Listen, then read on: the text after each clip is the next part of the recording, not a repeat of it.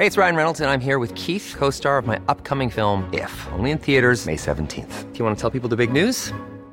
All right, I'll do it. Sign up now and you'll get unlimited for $15 a month in six months of Paramount Plus Essential Plan on us. Mintmobile.com slash switch.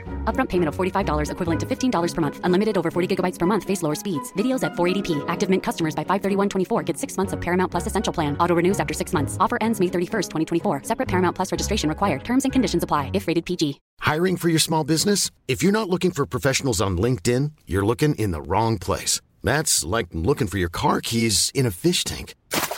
LinkedIn helps you hire professionals you can't find anywhere else, even those who aren't actively searching for a new job but might be open to the perfect role. In a given month, over 70% of LinkedIn users don't even visit other leading job sites. So start looking in the right place. With LinkedIn, you can hire professionals like a professional. Post your free job on linkedin.com slash people today. Burrow is a furniture company known for timeless design and thoughtful construction and free shipping, and that extends to their outdoor collection. Their outdoor furniture is built to withstand the elements, featuring rust-proof stainless steel hardware, weather-ready teak, and quick-dry foam cushions. For Memorial Day, get 15% off your Burrow purchase at burrow.com slash ACAST and up to 25% off outdoor. That's up to 25% off outdoor furniture at burrow.com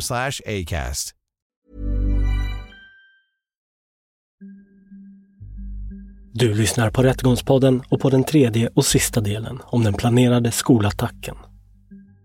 Mitt namn är Nils Bergman. Eh, Och då kommer nästa utmaning egentligen och det är att oftast så har vi brott som har skett. Och då vet vi effekten av det och vad farligheten var. Vi hör utredningsledaren och förhörsledaren Jakob van Roy. Brand överlag är svårt, eh, spridningsrisk och så vidare. Och så vidare. Och här har vi en brand som inte har skett. Eh, så att, ehm, det lades ner ganska mycket eh, utredningstid på för att eh, bevisa och göra försök på hur hade det kunnat gå om han hade utfört planen. Och nu är det ju svårt att göra försök på så här farliga material. Utan det var tvungen att göras utomhus. Det blir inte samma effekt som om det hade varit på skolan. Eh, Så att jag tror att tingsrätten fick inte rätt ehm, ehm, de fick ett bra material att bedöma utifrån. Men det ser oftast lite mindre allvarligt ut. En brand ute på ett stort fält, övningsfält, ett militärt övningsfält, än inne i en trång gång mellan två skolor. Ehm, så att jag tyckte vi presenterade ett bra material. Vi gjorde försök på, vi gjorde inspektion på skolan, både med brandkår, med NFC som fick göra en bedömning på eh, vad effekten hade kunnat bli. Men sen så blir ju det bara i, i text och, och vittnesmål. Jo, det här kunde ha blivit brunnit ner hela skolan. Det känns inte lika som att titta på en bild där en skola har brunnit ner och det ligger en massa folk som är döda där. Eh, Så det var väl det svåraste sen egentligen. Jakob känner sig nöjd med utredningen, men inser snabbt svårigheterna med att presentera vidden av den potentiella katastrofen för en tingsrätt. Som nu ska bedöma vad Andreas ska dömas för. Det första man ser där, det är den pyrotekniska satsen som, som antas. I Attunda tingsrätt i februari 2020 så är bland andra Thomas Valentin tillkallad som vittne. Han arbetar för NFC och har haft i uppdrag att testa de kombinationer av explosiva ämnen som Andreas förvarat i sin lägenhet och som han enligt Zebraboken ämnat använda för att utföra en attack mot Fredrika Bremer gymnasiet.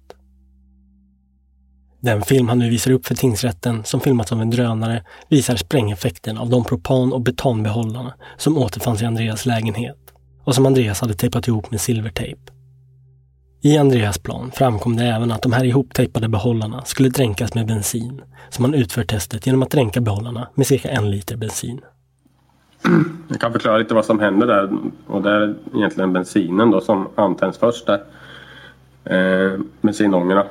Och ganska snabbt så in i förloppet så börjar eh, andra brännbara material som tejp och de här plastlocken att brinna då, och avge värme också. Det som händer i de här behållarna är att eh, man har flytande propan och butan. Och när det värms upp så ökar trycket i de här behållarna. Man har ingen övertrycksventil eller säkerhetsventil på de här. Utan till sist så blir trycket så pass så, så stort så att själva behållaren briserar. Det här sprängtestet som görs på ett stort fält återspeglar kanske inte riktigt den förödelse som sprängningen hade kunnat åstadkomma i en gymnasieskola på 2000 elever. Det är svårt att mäta kraften på det men man, man, man hör ju på ljudet och man ser på, på själva gasmolnet att det är ganska, det är ganska kraftigt. Är det. Nästa filmklipp som visas upp för rätten är testerna på hur de igentejpade fyrverkeripjäserna som fanns i en så kallad fyrverkeritårta skulle ha spridit sig. Eh, ett försök som vi gjorde då var den här eh, fyrverkeritårtan, Shockwave som den heter, som har 25 stycken stjärnrör med cirka 10 gram då explosivämne i varje rör. Eh, du kan visa lite. Ja.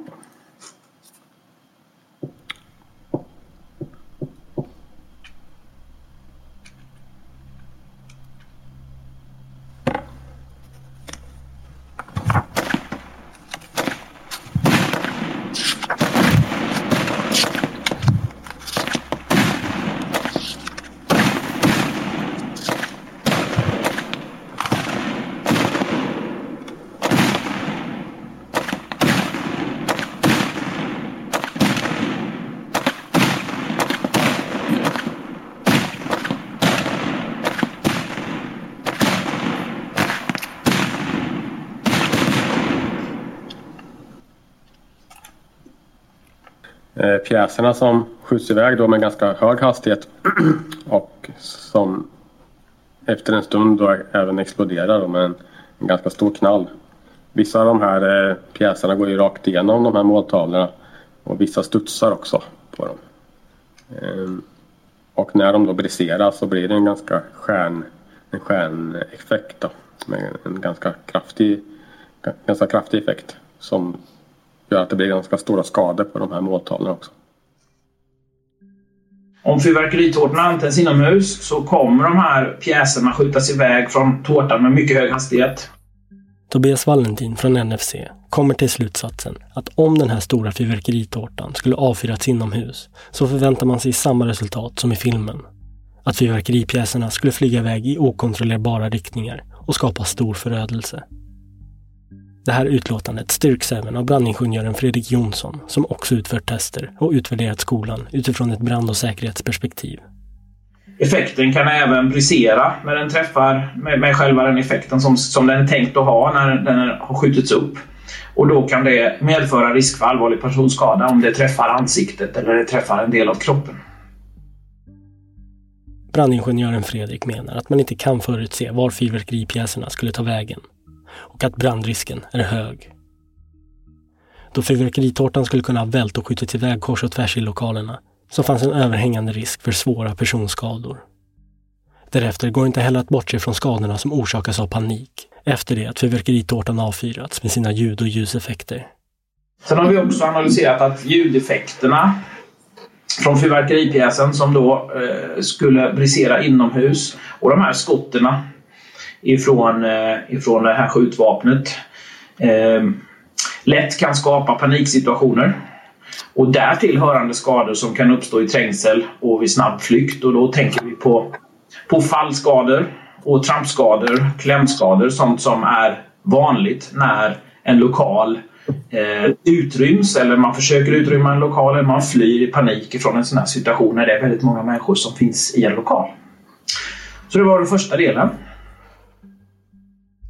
Det nästa beskrivna momentet i Andreas plan är att gå vidare till biblioteket och där hälla ut en av bensindunkarna och sen kasta in en rörbomb. Biblioteket anses inte vara en egen brandcell, det vill säga att risken för spridning till intilliggande lokaler är hög. Och utrymmet som biblioteket är beläget i utgör utrymningsväg för bland annat aulan men också från skolans inomhustorg. Och det finns ingen automatisk vattensprinkleranläggning i den här delen. Och då kan, vi, kan man konstatera att om då den här bensinen hade hällts ut som beskrivet så kommer den att antändas av en, en rörbomb som kastas in. Oavsett hur den här rörbomben egentligen beter sig så kommer den, de, den eld, eller den, den i, om man tänder på den så att säga, va? så kommer den elden som finns med att eh, orsaka att, eh, att bensinen antänds omgående. Och det är utifrån den här beskrivna gärningen kommer leda till att en mycket kraftig brand utvecklas på en gång. Det kommer i sin tur orsaka att stora mängder brandgaser eller rök eh, bildas och det kommer spridas eh, och kommer eh, att sprida rök och farlig miljö till stora delar av skolan. Branden kommer sprida sig i biblioteket och det kommer bli stora skador på biblioteket och på lokalen eh, i hela skolan, eller på den delen av skolan där biblioteket är, är inrymt. Så det finns alltså risk för rökspridning till andra delar av skolan också. Och därmed så föreligger då risk för farlig miljö för människor att vistas i, i stora delar av skolan. Jag kan heller inte eh, bortse ifrån att branden i biblioteket som kommer bli ganska kraftig också kan sprida sig vidare i skolan till andra delar. Nästa moment i planen var att gå upp till andra våningen, till bildsalen, hälla in bensin där och sedan kasta in en till rörbomb. Där bedöms brandspridningen som något lägre än i biblioteket. Men det finns mycket brännbart material där ändå, i form av arbetsbänkar i trä och material som används i bildundervisningen. Inte heller i denna lokal finns någon automatisk sprinkleranläggning. Och på samma sätt som i biblioteket då så hade bensinen lett till att ett mycket snabbt brandförlopp hade bildats och rök i farliga mängder hade skapats i bildsalen. Den röken hade sen sekundärt kunnat sprida sig till andra delar av skolan i en förlängning. Man kan inte bortse från risken från brandspridning från bildlokalen eh, om den här planen hade realiserats även i det fallet. Mm. Du, en fråga, eh, och jag vet som sagt var inte om det är något du kan besvara, men jag ställer den i alla fall. Om man sätter det här i relation till varann, personella skador å ena sidan, eh, materiella egendomsskador å andra sidan. Vad, skulle du säga att tyngdpunkten ligger här? Vad befaras Så, de största skadorna? De, de största skadorna eh, beroende på givetvis hur pass många personer som finns i lokalen och så vidare så är det ju givetvis risken för, för människoliv och människor, skador på människor som, som är den stora, den stora frågan här tänker jag. Men det är också en skola som är är en stor byggnad och de här bränderna eh, som anläggs kommer att orsaka väldigt stora egendomsskador som följd också med mycket stora reparationskostnader och saneringskostnader. Även om inte hela skolan som sådan kanske brinner ner på det viset att det inte är en, en träkonstruktion på det sättet. Men följdskadorna till följd av sot och brandrök eh, och även lokala brandskador kring, både lokal, eh, kring biblioteket och, eh, och bildsalen kommer att vara omfattande. Så jag skulle vilja säga givetvis att det är människors liv och hälsa som står i första, första skedet men, men även stora egendomsskador. Det är det här som stod på spel. Risken för att människor hade omkommit om planen satts till verket bedöms alltså vara stor. Många av de 2000 eleverna i Fredrika Bremer gymnasiet skulle löpt risk att brinna inne eller på annat sätt skadas i tumultet som hade uppstått.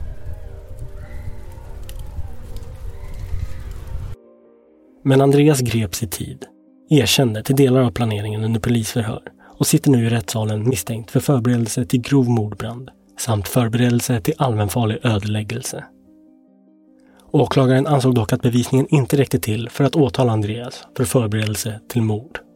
Jag tänkte ge dig ordet då för om du ville säga någonting själv först om det här som du är anklagad för. Uh, ja, jag skulle vilja säga att uh, själva förberedelsen till mordbrand uh, har jag ingenting att försvara där. 100% skyldig. Och sen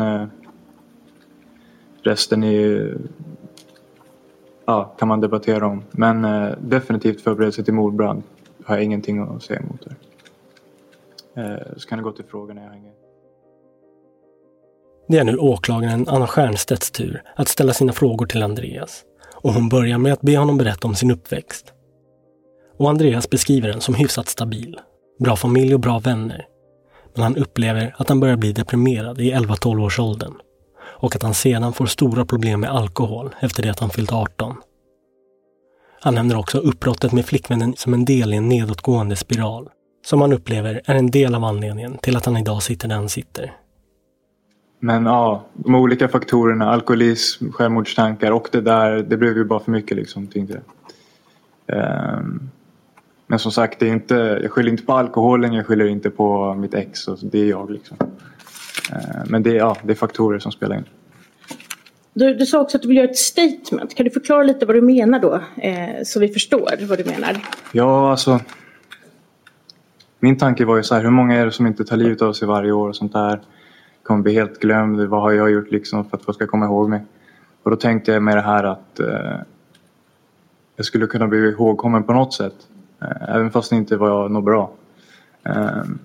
Men i eh, den planen jag hade tänkt eh, gå igenom med bränna ner bibliotek och ta livet av mig. Det var ju inte, ingen skulle komma till skada. Jag ville att folk skulle komma ihåg mig men inte som ett eh, monster. Utan ja, det här kan ju låta makabert men kanske ungefär som en eh, Robin Hood-gestalt av att man gör någonting olagligt men det är inte så hemskt att hata personer om ni förstår vad jag menar. Det blir lite svårt att förklara. Eh, att jag bränner ner skolan och utan att skada någon.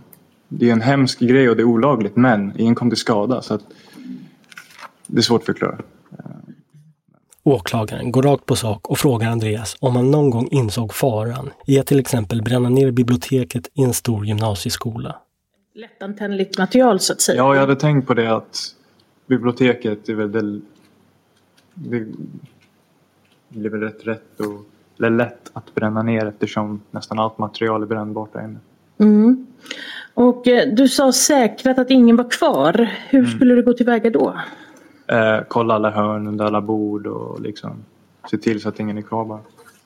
Okej, du menar att du skulle genomsöka biblioteket? Genomsöka. Mm. Och, och klassrummen sa du, det hade du ingen, ingen koll på att de Jag hade ingen idé att det var ett klassrum inne i hörnet där som var in, den, Det var två stycken till och med. Ja, två stycken till och med som hade den enda utgången var in genom biblioteket. Det hade jag ingen idé om. Och du sa eh, bensin, hur skulle, du kanske sa det och att jag eh, inte noterade det men bara så att jag förstår, hur, hälla ut bensin, hur, hur skulle du tända på det hela då? Eh, det hade inte helt hamrat i sten heller. Det var antingen kanske någon sippotändare Zippo-tändare som man kastar in eller kanske slänger in en sån där silvertejpad eh, smällare, pipe-on. Mm. Tanken bakom boken, Den vita zebran, är fortfarande något oklar. Trots att polisens utredare lagt ner mycket tid och energi till att analysera den. Så åklagaren ber Andreas förklara exakt vad som var hans plan. Med tanke på att han kommit med många svävande uppgifter om att delar av boken varit fiktiv. Det, det som var helt hundra var att jag skulle bränna ner biblioteket för att bli ihjälskjuten liksom. Du? Det var det sista du sa där. Eh, vi är ihjälskjuten av polisen.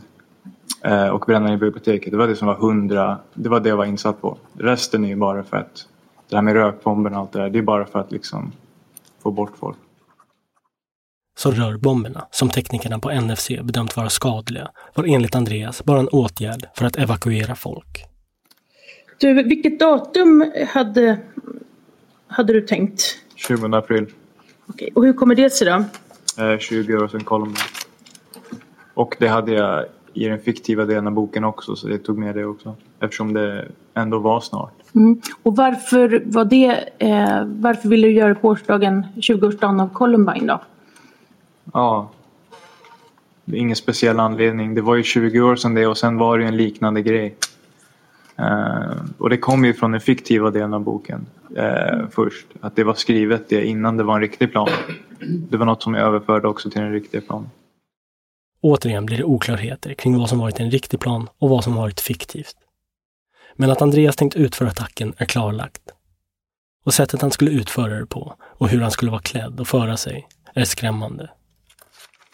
Och hur, hur skulle du vara klädd? Hade du funderat på det?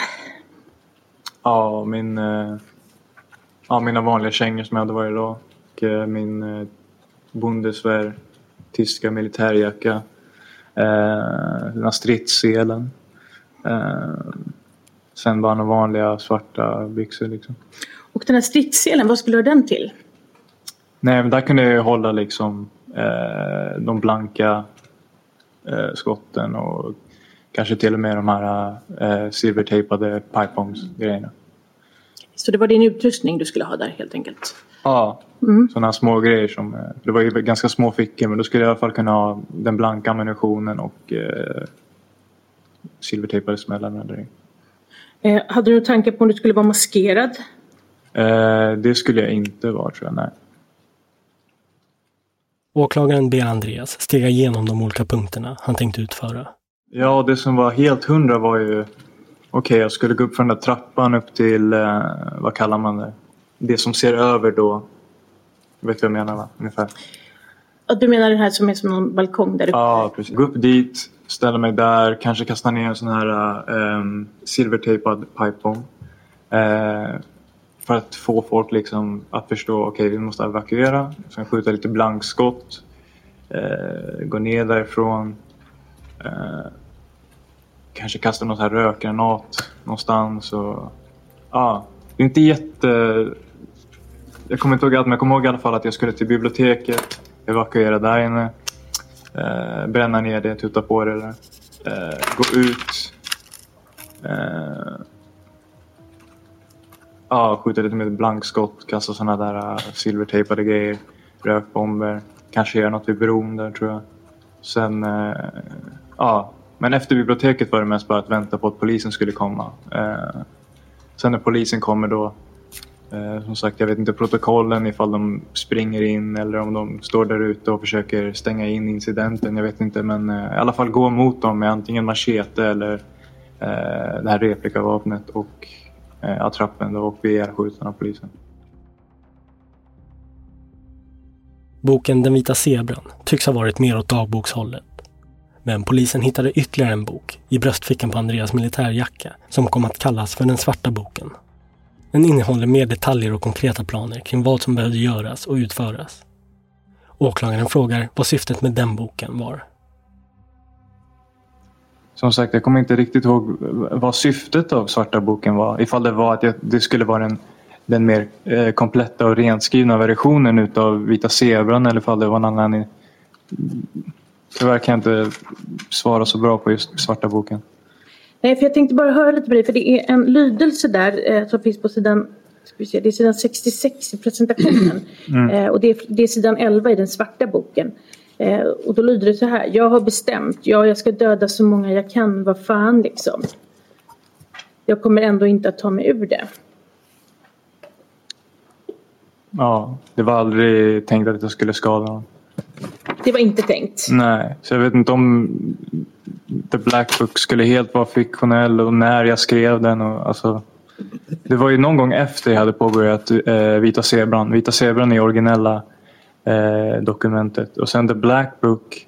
För den hette väl också The Black Book och inte den svarta boken. Skrev jag på engelska svarta boken? Ja, ja, ja, det är min uppfattning. Men då var det nog menat att, att, att det skulle vara man kan lätt få intrycket av att Andreas utnyttjar oklarheterna kring vad han har skrivit, i vilken bok han skrivit det och till vilket syfte han har skrivit det. Och vänder det till sin fördel. Han vet att ingen förutom han själv vet syftet till hans skriverier. Han möter ofta åklagarens frågor med motfrågor som visar på att han egentligen inte har någon koll på hur många sidor han har skrivit eller liknande. Men åklagaren och poliserna som arbetar med detta anser att det han har skrivit ner och planerat är allvarligt. Och den samlade bilden är att den här händelsen hade kunnat vara förödande. Du hade ändå tänkt, du hade tänkt starta en brand och du hade tänkt eh, av, ja, använda den här modifierade pyro, pyrotekniken. Eh, hur tänkte du då? Tänkte du inte att folk kunde bli skadade eller?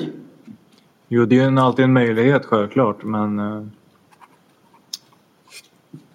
jag utgår ju från att människor tänker logiskt, att de inte står kvar i en eld eller att de springer mot en person med en machete eller eh, och så vidare. Så att jag tror att på ett effektivt sätt att jag skulle kunna innan jag gör någon seriös skada till skolan, eh, sätter det på biblioteket till exempel, och sånt där, att eh, människorna skulle vara evakuerade eller eh, ja, långt ifrån platsen. Mm. Men risken? Risken finns alltid.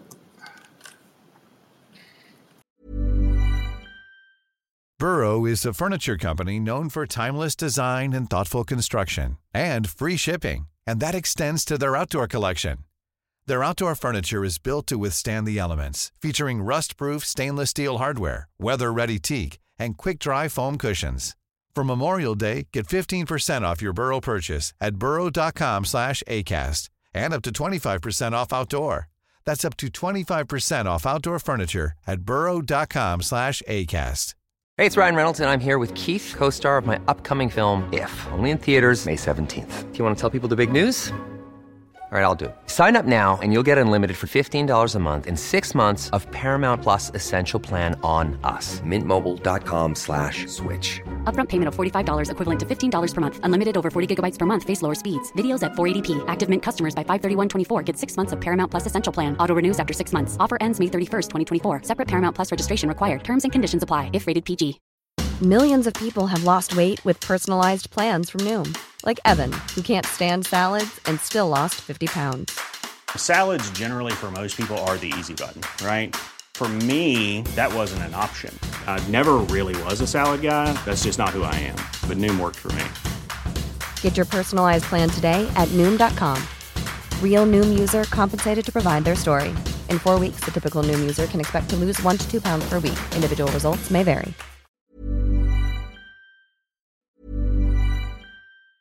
Hey, it's Danny Pellegrino from Everything Iconic. Ready to upgrade your style game without blowing your budget? Check out Quince. They've got all the good stuff shirts and polos, activewear, and fine leather goods, all at 50 to 80% less than other high end brands. And the best part? They're all about safe, ethical, and responsible manufacturing. Get that luxury vibe without the luxury price tag. Hit up quince.com slash upgrade for free shipping and 365 day returns on your next order. That's quince.com slash upgrade. Hi, I'm Daniel, founder of Pretty Litter. Did you know cats tend to hide symptoms of sickness and pain? I learned this the hard way after losing my cat, Gingy. So I created Pretty Litter, a health monitoring litter that helps detect early signs of illness by changing colors, saving you money and potentially your cat's life. Pretty Litter is veterinarian developed, and it's the easiest way to keep tabs on your fur baby's health right at home. Go to prettylitter.com and use code ACAST for 20% off your first order and a free cat toy. Terms and conditions apply. See site for details. Planning for your next trip? Elevate your travel style with Quince. Quince has all the jet setting essentials you'll want for your next getaway, like European linen, premium luggage options, buttery soft Italian leather bags, and so much more. And is all priced at 50 to 80% less than similar brands. Plus, Quince only works with factories that use safe and ethical manufacturing practices. Pack your bags with high-quality essentials you'll be wearing for vacations to come with Quince. Go to quince.com slash pack for free shipping and 365-day returns. Mm. Och eh, hur... Eh, du har berättat här, du ska ha stridssele, du ska ha eh, militärjacka eh, och ha din utrustning här i, i stridsselen. Eh, hur kan du föreställa dig, hur tror du att folk skulle uppfattat dig? Att eleverna skulle uppfattat dig när du kom där? Skrämmande. Eh, det är också en del utav evakueringen. Om jag ser ut sådär så är det ingen som kommer försöka stoppa mig eller springa mot mig eller liksom, ja. Skrämmande. Mm. Och folk agerar ju inte alltid rationellt. Jag tänker att det finns ju de som gömmer sig när de blir rädda. Det är sant. Men eh, om jag säger att jag ska bränna ner ett bibliotek så tror jag inte folk sitter kvar. Men om de gör det så, så, så märker jag det under min genomsökning och försöker få ut dem på något sätt. Och eh, hur eh, skulle du ha genomfört det här nykter så att säga eller skulle du varit påverkad av Nej, jag skulle nog ha druckit en del. Uh, jag skulle nog inte ha vågat göra det här utan att dricka. Skulle jag nog inte säga. Mm. Sen skulle jag ha en backup ifall polisen inte sköt ihjäl mig. Det var ju att när jag då bränt ner biblioteket och bara väntar på att polisen ska komma. Uh, då dricker jag ju resten av whiskyflaskan och sen tar massa ångestdämpande. Så att även ifall jag hamnar på arresten eller något sånt. Att de inte skjuter ihjäl mig så dör jag ändå. Eh, somnar in. Mm. Och eh, hur tänker du då? Du har druckit, du är alltså onykter. Eh, hur, hur, hur tror du att det skulle gå då med din bedömning och evakuering? Alltså jag skulle inte vara så påverkad att jag inte visste var jag var någonstans. Jag skulle bara varit påverkad nog att eh, lugna nerverna. Eh, ja. Mm. Rätten ska nu bedöma om Andreas ska dömas för försök till mordbrand och förberedelse till allmänfarlig ödeläggelse. Utredningsledaren Jakob van Roy, som arbetar med det här fallet sedan dag ett, tycker att det finns tillräckliga skäl att betrakta Andreas planer som oerhört farliga och hade kanske även velat se att han åtalades för förberedelse till mord. Det allvarligaste som vi kanske aldrig kommer att få reda på som finns i både Svarta boken och i Zebraboken är att eh, gärningsmannen beskriver att han egentligen vill ha ihjäl så många människor som möjligt. Han vill eh, gå till historien. Eh, och det gör man ju inte bara genom att elda upp en, en skola utan det gör man eh, om man haft eh, ihjäl på flest människor. Eh, som den gärningsman som har haft eh, ihjäl flest människor. Då går man till historien. Så mina värsta tankar är att om vi inte hade stoppat honom så kanske det var det han ville. Och hur dödar man flest människor? Det är genom att elda upp folk, skapa ett sånt eldhav så att folk dör. Det, är svårt att ha, ha ihjäl väldigt många människor genom att skjuta folk. Det här med att elda upp och man väljer ut biblioteket som ligger nära ingången. Man till och med ställer upp i planen att man ska skjuta mot ingången så att ingen kommer med de här fyrverkeripjäserna. Så ingen kommer springa mot in och utgång utan man kommer ta sig ytterligare in i skolan. Ehm, så det är väl det som sitter kvar med att det kommer vi kanske aldrig få reda på vad han egentligen ville. Dels för att ehm, han blev inte åtalad för förberedelse till mord. Han fick inte förklara sig där riktigt i rätten, tycker jag. Ehm, för jag tycker det fanns delar i eh, både Svarta boken och, och hans beteende eh, som, som talade för att han, han hade nog eh, kanske inte direkt uppsåt att, att döda så många eh, specifika personer. Men jag tror inte han brydde sig speciellt mycket om några dog.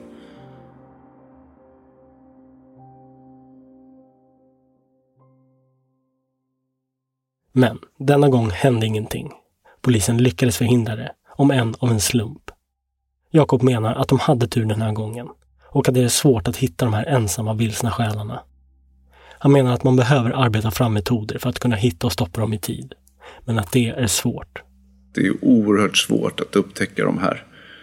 Och det, det, bästa sättet är väl att försöka förebygga det här på skolorna. Att man kanske har en större kuratorverksamhet. Att, eh, och det, det kanske finns positiva aspekter på det också utöver de som tänker spränga upp skolan. Men Eh, att man försöker fånga upp de här ensam-personerna. Eh, för det finns ju en viss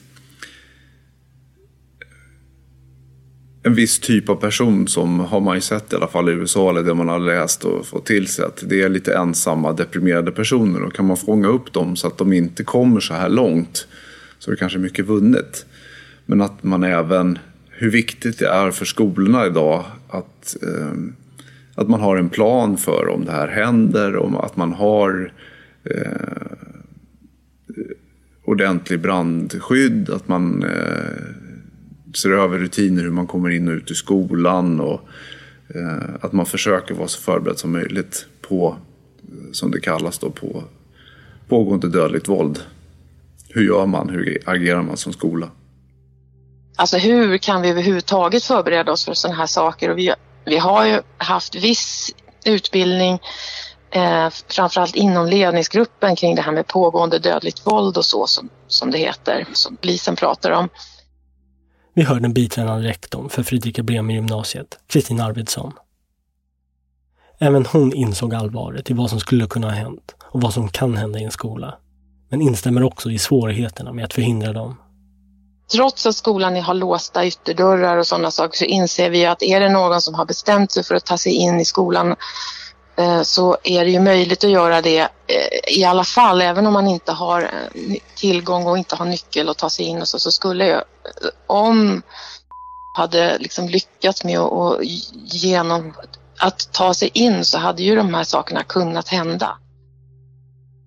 Kristin berättar att de har utbildning i pågående dödligt våld men att inte hela ledningsgruppen utbildats i detta och att man efter närhändelsen tänkt om och började planera inför en bredare utbildning. Då planerade vi in en sån utbildningsinsats eh, och den blev, vi skulle ha genomfört den i början av mars. Men då kom ju hela den här eh, coronapandemin och slog slog ut allting och vår skola gick ju in i liksom distansundervisning precis som alla andra gymnasieskolor. Så att det blev ingenting av med det. Så det är fortfarande någonting som vi ja, inte har genomfört utan det kommer ju till hösten. Men ja, vad ska jag säga det?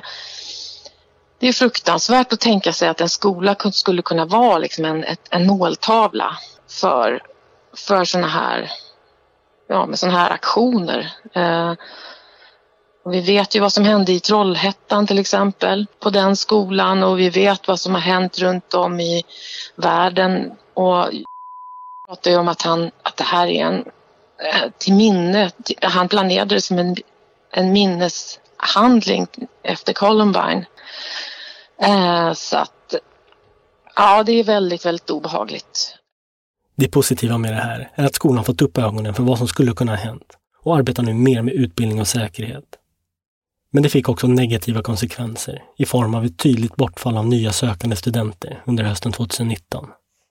Nej, men det som är så jobbigt för oss i skolan det är ju det att, som, precis som jag sa, att vi kämpar hela tiden för att skapa en trygg miljö. Och det handlar jättemycket om eh, Alltså även för en kommunal gymnasieskola så är det jätteviktigt vad skolan har för rykte. Det är en bra skola. Vill man söka till den här skolan? Eh, tycker man att det verkar intressant att gå på den här skolan? Och, och då är det ju väldigt, väldigt obehagligt om det kommer upp såna här, eh, såna här saker. Och vi var ju verkligen bekymrade över det vad ska det här få för effekter liksom för, för våra framtida elever och för vår, de elever som går på skolan just nu? Hur ska de känna för sin skola? Om de, om de får reda på att det här det är en skola som man tänker sig att man ska göra attentat mot. Så det är ju otroligt obehagligt. Jag tror att den här kursen i pågående dödligt våld som är planerad, den tror jag också kommer väcka massa känslor hos personalen. Att det är många som kommer uppleva att den är obehaglig att man får sig en tankeställare. Vad skulle kunna hända och vad, vad hamnar, kan jag hamna i för en situation och sådär. Om det sku, någonting skulle ske, någonting skulle hända på vår skola. Eh, så att eh, ja, det är känsliga saker det här. Ja, men så är det. Vi var ju evigt tacksamma för att det inte att det aldrig blev, det, det har ju faktiskt inte hänt någonting. Det är ju det. Det var det var, fanns planer men det hände inget. Det var fantastiskt skönt. Det svåra är väl hur, hur hittar vi de här personerna innan de gör det? Skolor runt om i Sverige kan arbeta med att utbilda och säkerställa skolorna mer och mer. Men det kommer inte förhindra att nya potentiella skolskjutare eller terrorister sätter sig ner och börjar planera attentaten. Så som Andreas gjorde. Och att hitta de här personerna, som annars inte gör så stort väsen av sig, är svårt, menar Jakob van Roy. Och det, det kanske finns andra människor som liknar våran gärningsman här. Som sitter hemma och funderar på samma sak. Eh, det är väl det lite insikten man får att den här personen är nog inte ensam om sina tankar och så. Det kanske finns någon som sitter där ute nu och funderar. Och hur hittar vi dem? Det är väl det som jag har tagit med mig som är mest läskigt. Den 18 februari 2020 föll tingsrättens dom och Andreas dömdes skyldig till förberedelse till grov mordbrand. Han friades från åtalspunkten om förberedelse till allmänfarlig ödeläggelse. Rätten ansåg inte att sprängmedlen som Andreas hade i beskaffenhet hade en effekt som är tillräckligt omfattande för att allmänfarlig ödeläggelse skulle kunna uppnås. Enligt brottsbalken måste det röra sig om en katastrofal explosion för att det ska kunna uppnås, vilket inte var fallet här. Påföljden blev fängelse i två år och sex månader. Utredningsledaren Jakob är nöjd med att Andreas fälls av tingsrätten och tror inte att själva påföljden hade ändrat så mycket ändå, om han hade dömts för flera åtalspunkter. Men efter att Jakob studerat Zebraboken så ingående är han av uppfattningen att Andreas nog hade de mörkaste av intentioner. Eh, eller jag tycker man ser att eh, i slutet på boken har han bestämt sig. Det kommer ut en plan, det kommer, den är både text och utritad. I slutet av boken är det till och med ett, eh, ett avskedsbrev som jag tolkar som. Han ber om ursäkt till vissa personer, ber om ursäkt till sina föräldrar. Förlåt mig, mamma, pappa, morfar och mormor. Eh, som att det här är liksom, det är, det är det sista han skriver innan han ska ta livet av sig, så att säga. Och i Zebraboken så finns det meningar som ger indikationer på att man bör ifrågasätta sanningshalten i det Andreas säger. Det känns bara som att jag måste göra det här. Jag vet att jag framstår som ett vanligt barn med några mindre problem. Men jag är en sociopat. Jag är väldigt bra på att ljuga.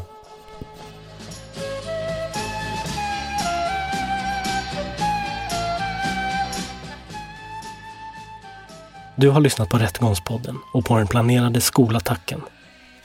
Mitt namn är Nils Bergman. Ansvarig utgivare är Jonas Häger. Stort tack för att ni lyssnar.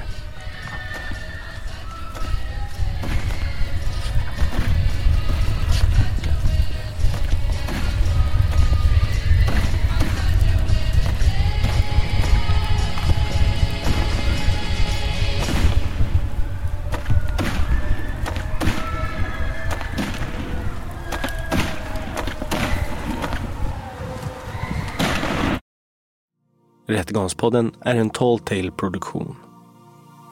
Ansvarig utgivare är Jonas Häger. Och Rättegångspodden görs i samarbete med Lexbase. Ange rabattkoden Rättegångspodden när du blir ny betalande medlem på lexbase.se och få tre kostnadsfria domar.